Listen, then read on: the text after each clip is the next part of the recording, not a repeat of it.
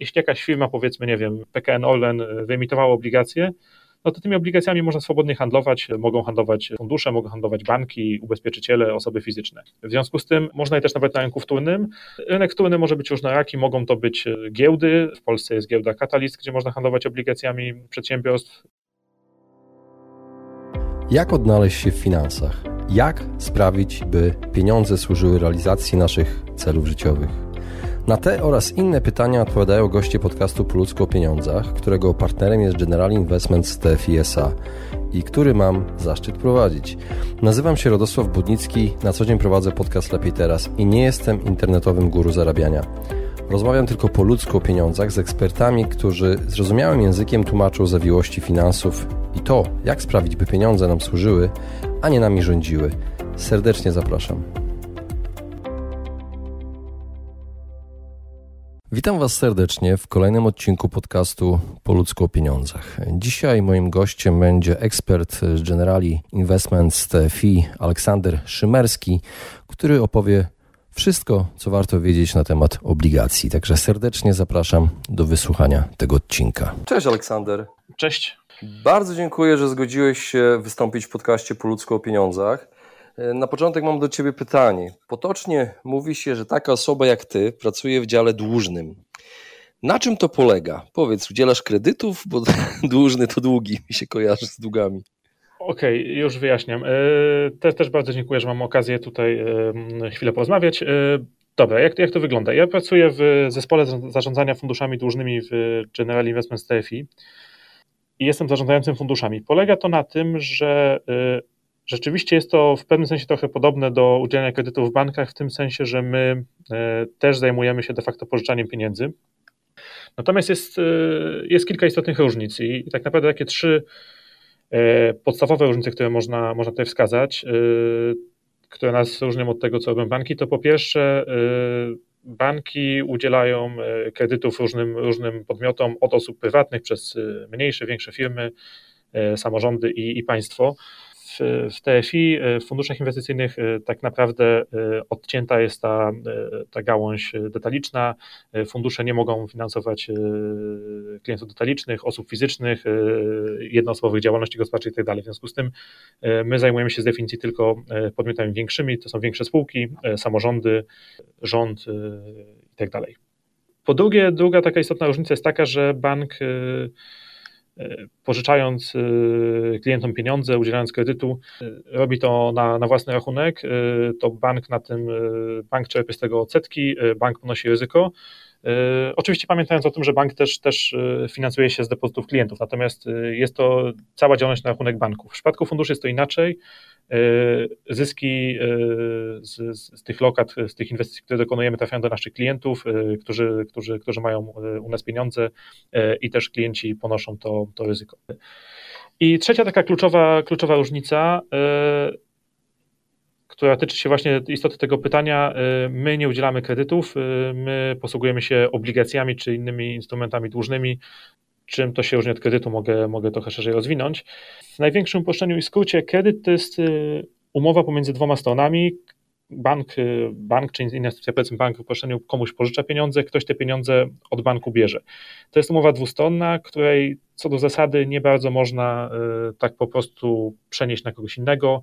Te strony się za bardzo nie zmieniają, raczej jest to charakter umowy między dwoma, dwoma osobami. Ktoś komuś pożycza pieniądze.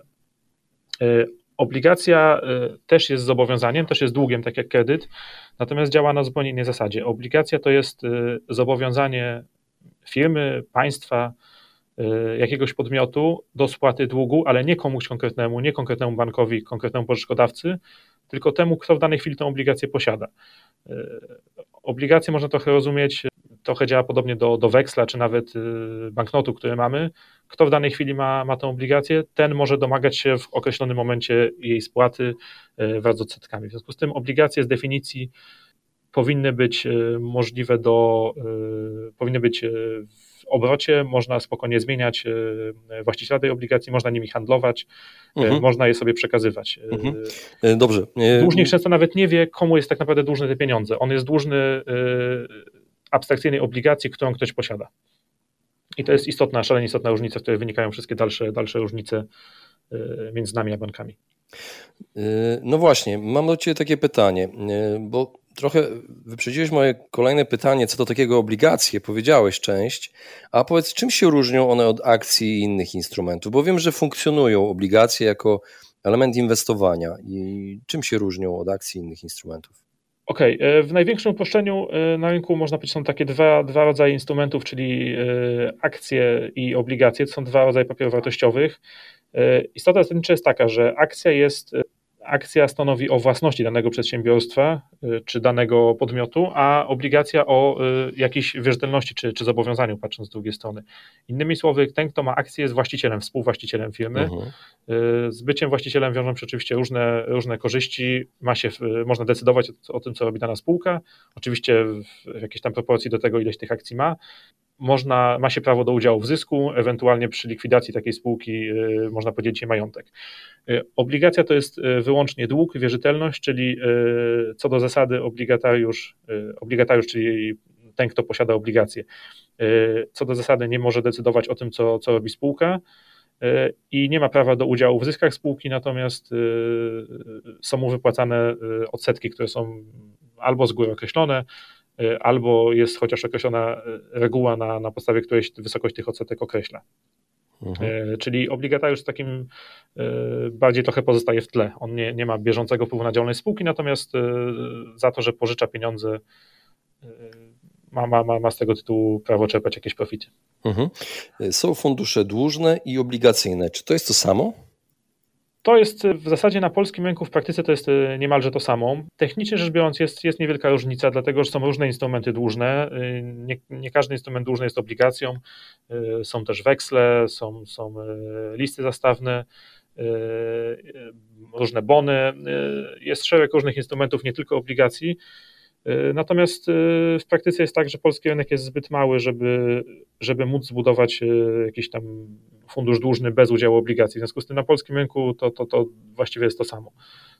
Na zachodnich rynkach się, się, się wyróżnia, mamy, mamy billsy, mamy notesy, mamy bondsy, zależy od, od, od ich długości. U nas mówi się po prostu hurtem obligacje, więc, więc można powiedzieć, że to jest to mhm. samo. A powiedz, jak inwestuje się w obligacje? Gdzie można je kupić?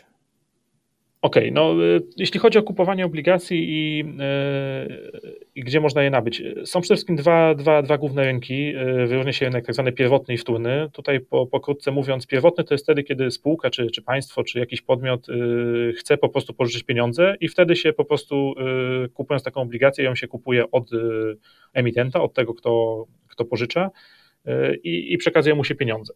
Rynek wtórny to jest, no i oczywiście na tym rynku pierwotnym to się tak naprawdę nie tak bardzo różni od kredytu. Natomiast y, istotą obligacji jest to, że one są dostępne na rynku wtórnym, czyli y, można później handlować obligacjami niezależnie od y, woli czy, czy, czy wiedzy dłużnika. Jeśli jakaś firma, powiedzmy, nie wiem, PKN Orlen wyemitowała obligacje, no to tymi obligacjami można swobodnie handlować. Mogą handlować fundusze, mogą handlować banki, ubezpieczyciele, osoby fizyczne. W związku z tym można je też nawet na rynku wtórnym. Rynek wtórny może być różnoraki, mogą to być e, giełdy. W Polsce jest giełda Catalyst, gdzie można handlować obligacjami przedsiębiorstw, e, też komunalnymi i skarbowymi. E, można handlować obligacjami też w transakcjach bezpośrednich z bankami, z, z, z brokerami, którzy, którzy się tym zajmują. To w praktyce jest też bardzo istotny w wielu segmentach nawet większy, większy rynek niż ten oficjalny giełdowy. Mhm. A jakie rodzaje obligacji występują na rynku? Ojej, to jest, to jest bardzo szerokie pytanie, bo tak naprawdę każdy taki główny parametr obligacji powoduje, że można, można je podzielić. No, można obligacje dzielić zarówno ze względu na to, kto je, kto je emituje, kto jest dłużnikiem, jak i jeśli chodzi o kwestię oprocentowania. Więc tak w największym skrócie, z jednej strony możemy powiedzieć, że mamy obligacje skarbowe, czyli emitowane przez rząd, E, mamy obligacje korporacyjne, czyli emitowane przez e, przedsiębiorstwa. E, mamy obligacje komunalne, czyli emitowane przez samorządy. No i tutaj oczywiście różnicą główną jest to, kto jest, kto jest tym dłużnikiem. Oczywiście obligacje rządowe są, te, są najbardziej bezpieczne i wiarygodne, najczęściej też obracane. Obligacje korporacyjne mają jakąś tam nutkę ryzyka, bo spółka może zbankrutować. Z drugiej strony patrząc, obligacje mogą mieć różne oprocentowanie. Mogą być na stałe oprocentowanie, czy stały kupon, czyli obligacje stałokuponowe i wtedy z góry wiemy, ile płacą odsetek w którym, y, w którym roku, półroczu, kwartale. lub mogą być zmienno, zmienno-kuponowe, czyli o zmiennym oprocentowaniu. Wtedy to oprocentowanie się zmienia w zależności od jakiegoś wskaźnika, zazwyczaj w Polsce jest to WIBOR. Trochę tak jak kredyty hipoteczne mogą być na stały procent lub na zmienny procent i niestety ta, ta, ta zmienna procentowa część jest na rynku polskim w tej chwili przeważająca. Mhm. Powiedz, można... jeszcze, z, mhm. jeszcze, patrząc z innej strony, to też może istotne rozróżnienie, obligacje mogą być zabezpieczone albo niezabezpieczone. E, niezabezpieczone to po prostu e, dłużnik e, zobowiązuje się, że odda pieniądze i to jest oparte o, w całości jego wiarygodność. Natomiast zabezpieczone to trochę tak jak e, znowu przy analogię do kredytu hipotecznego, w przypadku zabezpieczonych obligacji e, ten, kto pożycza pieniądze, czy, czy jakiś inny podmiot, e, gwarantuje ich spłatę jakąś konkretną częścią majątku. Może to być hipoteka na nieruchomości, może być zastaw na jakiś maszynach, na, na jakichś prawach, jakieś cesje. Y, no tu jest szereg zabezpieczeń bardzo duży, więc też trzeba pamiętać, że obligacje zabezpieczone niekoniecznie są w pełni bezpieczne, natomiast oczywiście zabezpieczenie ma jakąś tam wartość i, i trzeba y, wziąć pod uwagę wartość tego zabezpieczenia. A powiedz, jak można zarobić na obligacjach? Czy tak samo jak na akcjach da się zarobić na nich? Tak, zasadniczo mechanizm jest podobny. Na obligacjach y, zarobić można tak naprawdę w są dwa główne źródła zysków na obligacjach. Z jednej strony obligacje no, ze swojej natury, jak, każda, jak każde udzielenie komuś finansowania, płacą odsetki, więc kupując obligacje i trzymając je do momentu wykupu, bo każda obligacja, może nie każda, ale większość obligacji w praktyce, czy, czy, czy, czy wszystkie na polskim rynku mają określony termin wykupu. No więc trzymając takie obligacje do wykupu, dostajemy co jakiś czas określone w umowie odsetki, no i to jest nasz zysk. To jest mhm. pierwsza metoda. Druga metoda jest taka, że obligacje, tak jak i akcje, ich ceny y, są zmienne. Y, tak jak mówiłem, istotą istnienia obligacji jest to, że one są y, można nimi handlować i obracać co do zasady. W związku z tym również ich ceny się zmieniają. E, jeśli komuś uda się kupić obligacje taniej, a sprzedać drożej, no to oczywiście też, też, też będzie miał z tego tytułu zysk. Natomiast jest oczywiście też ryzyko, e, że można kupić drożej, a później sprzedać taniej z różnych względów. Mhm. Od czego zależy ten zysk? Bo e, czy na obligacjach można też stracić? W jakich sytuacjach? Kiedy?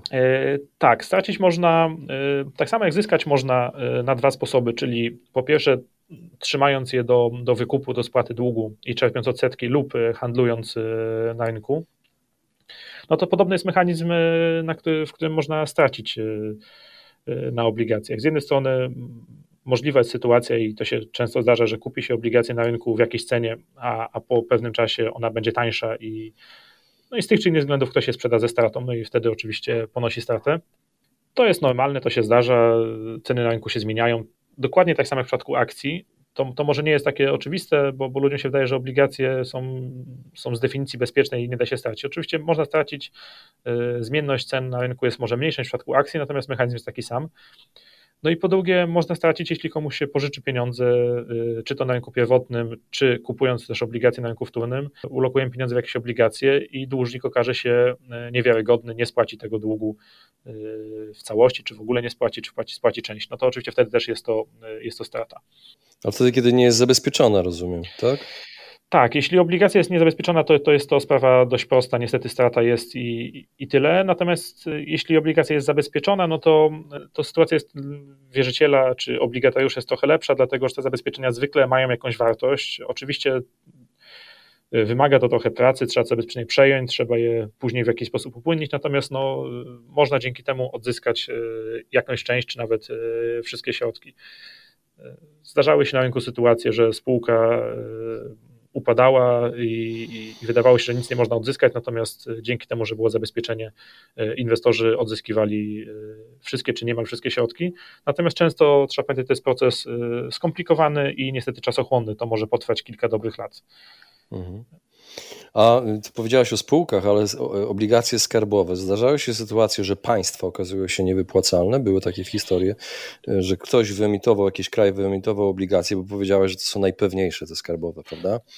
Niektóre państwa kupują innych państw obligacje. Domyślam się, że tak jest na rynku, na e, świecie. Tak, oczywiście. Czy zdarzało się, że jakaś niewypłacalność jakiegoś kraju w historii? Słyszałeś o czymś takim? Oczywiście niestety tak. Kraje, różne kraje bankrutują częściej lub rzadziej. E, chociażby słynny przypadek Grecji, która e, jeszcze przed przyjęciem euro regularnie niestety zaliczała kłopoty ze spłatą długu i de facto bankrutowała.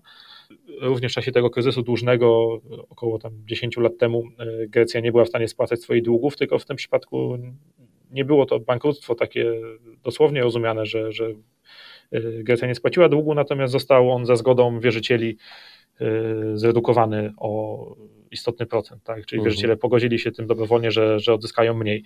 Więc, więc takie sytuacje się zdarzają. Najczęściej bankrutują kraje oczywiście mniej stabilne, mniej wiarygodne, czy to gospodarczo niestabilne, czy też politycznie. W krajach Ameryki, Ameryki Łacińskiej jest to dość częste zjawisko. Mhm. Argentyna, która tak. za mojego życia bankrutowała kilka razy. Tak. To niestety się zdarza.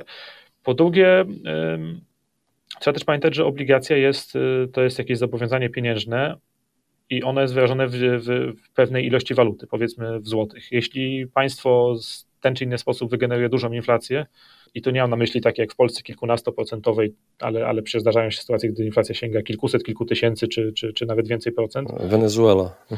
Y, tak, Wenezuela, czy, czy, czy kiedyś Zimbabwe, no to Zimbabwe. Mhm tak naprawdę y, w ten sposób też można powiedzieć, państwo bankrutuje, dlatego że on oczywiście odda tyle pieniędzy, jeśli będzie chciało, ile, ile było winne, natomiast ten pieniądz ma ułamek wartości, czy nie ma tej wartości w ogóle mhm. Y, po pewnym czasie.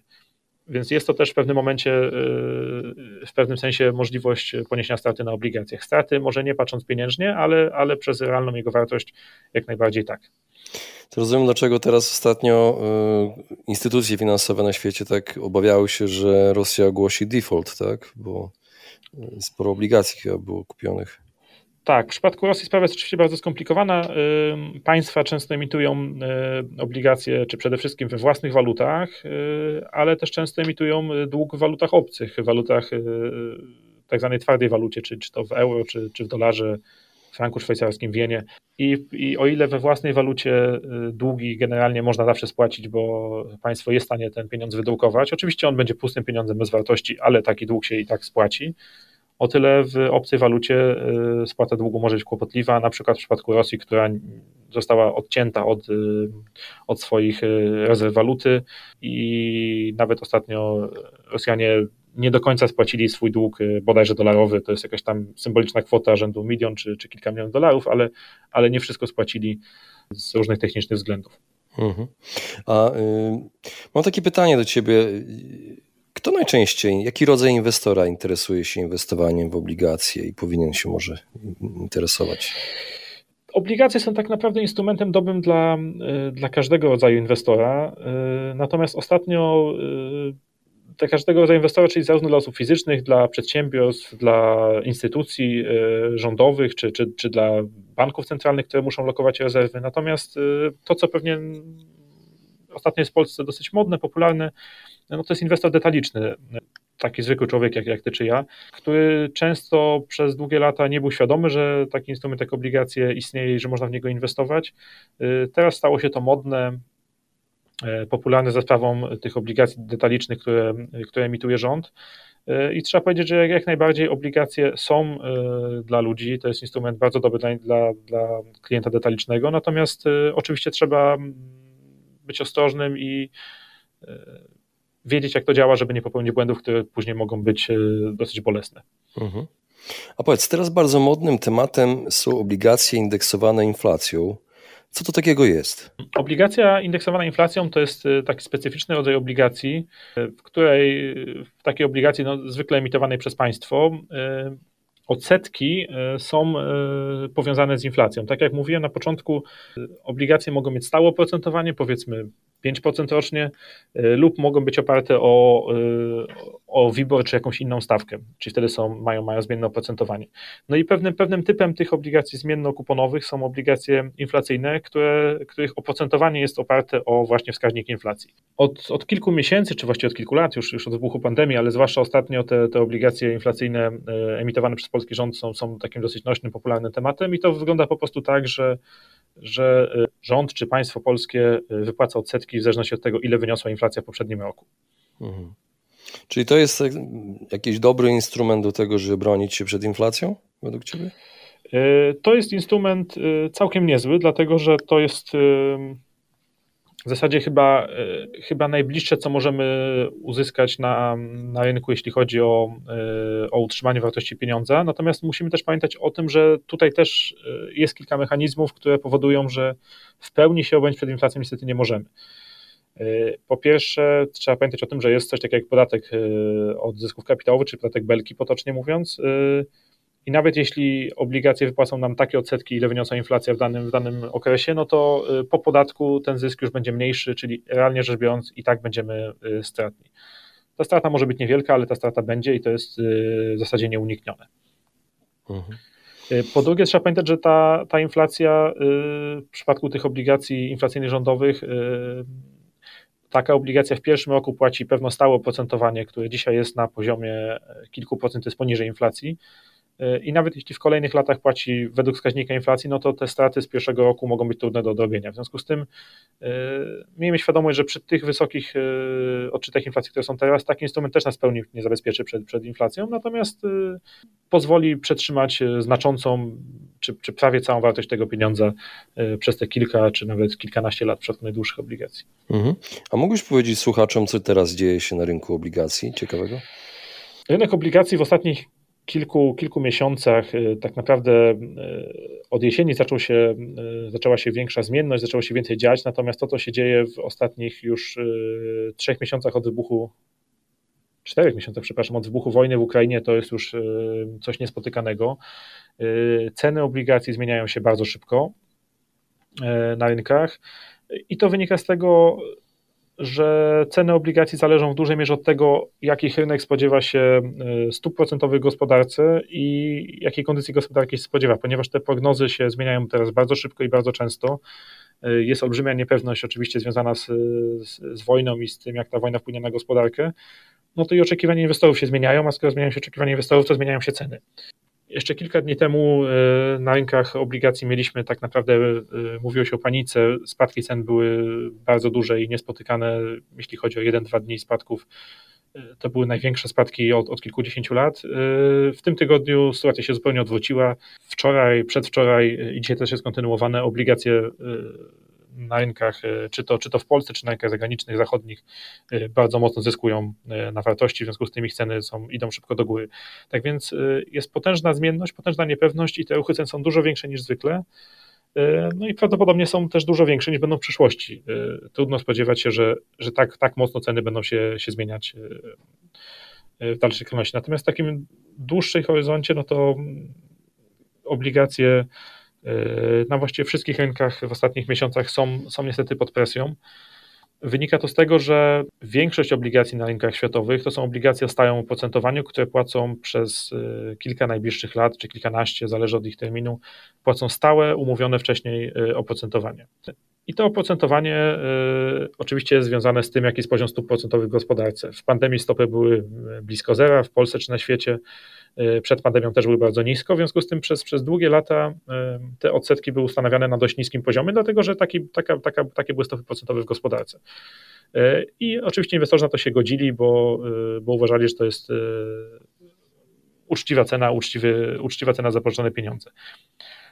W tej sytuacji, którą mamy teraz, stopy procentowe wszędzie na świecie rosną w Ameryce już zostały kilka razy podniesione, w Polsce wszyscy wiemy, że już y, jesteśmy około 6%, WIBOR jest y, nawet, nawet powyżej 7, ten, ten 6-miesięczny. Y, w Europie też będą rosły, w związku z tym inwestorzy domagają się większych odsetek, co jest oczywiście zrozumiałe. No i te obligacje, które są na rynku, siłą rzeczy są, są trochę w niełasce, dlatego że ich odsetki przez nie płacone są mniejsze. Więc, więc żeby kupno takiej obligacji się opłacało, no to oczywiście jej cena musi odpowiednio niska, żeby, żeby kogoś zachęcić. E, I to powoduje, że od kilku miesięcy, czy, czy, czy a tak jak mówię, w dużo większej skali od wybuchu wojny, ale, ale to zjawisko trwa już, już, już e, tak naprawdę od połowy zeszłego roku. E, ceny obligacji nie tylko w Polsce, ale na świecie systematycznie spadały. Te spadki były już bardzo duże, w związku z tym można się zastanawiać, jest dosyć prawdopodobne, że że rynek trochę przereagował, może to już jest y, czas na, na odbicie i, i, żeby te ceny zaczęły powoli się odbijać i rosnąć. Natomiast faktem jest, że, że te ostatnie miesiące były bardzo trudne dla inwestorów. Mhm. A powiedz na koniec już ostatnie pytanie. Czym różni się inwestowanie indywidualne właśnie w obligacji od tego, czym zajmują się zarządzający? To, to, to się różni bardzo istotnie, dlatego że o ile instrumenty są, są zbliżone, chociaż nie te same, nie wszystkie instrumenty są dostępne dla wszystkich, fundusze nie mogą inwestować w te obligacje detaliczne, o których teraz się dużo mówi, z kolei inwestor detaliczny nie ma często, często dostępu do, do obligacji, które są na rynkach dla, dla inwestorów profesjonalnych, czy chociażby do obligacji zagranicznych. Natomiast różni się właściwie wszystko. Poza tym, że celem jest zarobienie przy małym ryzyku, no bo klient, który woli większe ryzyko, inwestuje na rynkach akcji, to, to, to, to różni nas wszystko. Klient detaliczny, kupując obligacje, robi to na własny rachunek, wie, jakie ma potrzeby finansowe, kiedy będzie potrzebował te obligacje kupić, sprzedać. Niekoniecznie musi muszą te obligacje być płynne w tym sensie, że może w każdej chwili się z nich wycofać, ponieważ jest w stanie przewidzieć swoje potrzeby. W przypadku funduszu yy, trzeba pamiętać, że my mamy klientów, którzy w każdej chwili mogą z tego funduszu wyjść, yy, w zasadzie każdego dnia. W związku z tym musimy mieć z tyłu głowy, że te obligacje muszą być dostępne do sprzedaży w każdej chwili. Musimy zadbać o, o płynność tego funduszu. Po drugie, inwestor indywidualny zazwyczaj może kupi, kupi jedną, dwie, kilka obligacji i tak naprawdę ten jego portfel jest bardzo skoncentrowany na dosłownie kilku spółkach czy, czy, czy, czy, czy obligacjach państwowych. Ponosi w związku z tym na tyle no, dosyć duże ryzyko, że ta jedna obligacja przyniesie mu straty i te straty mogą być duże. Inwestor profesjonalny, taki jak, jak fundusz, dąży do tego, żeby w portfelu mieć wiele różnych obligacji, to ryzyko odpowiednio rozproszyć, nawet jeśli jeden emitent, jedna spółka nie odda pieniędzy, bo zbankrutuje, no to, to te straty będą dość małe. Jeśli jakaś obligacja rządowa e, się mocno przeceni, no to też są inne, które gdzieś te straty zamortyzują. W związku z tym e, także tutaj jest duża różnica. Mhm. Tak naprawdę tych różnic jest, jest, jest, jest bardzo dużo, ale, ale e, istota jest taka sama. Obligacje mają być tym instrumentem dość bezpiecznym, który pozwala zarobić może nie jakieś bardzo duże pieniądze, ale, ale lepiej niż, niż w banku, lepiej niż na depozycie przy, co jest najistotniejsze w obligacjach, przy jednak jakimś tam małym czy, czy kontrolowanym ryzyku. Super, Aleksander, bardzo Ci dziękuję za rozmowę. Dziękuję bardzo. Właśnie wysłuchaliście podcastu Po ludzku o pieniądzach. Mam nadzieję, że Wam się podobało. Jeśli tak, poświęćcie swój czas, proszę pozostawić swoją recenzję na Apple Podcast. Jeżeli macie pytania lub propozycje dotyczące kolejnych audycji, piszcie do mnie na fanpage'u Po ludzku o pieniądzach i do usłyszenia następnym razem. Pozdrawiam serdecznie.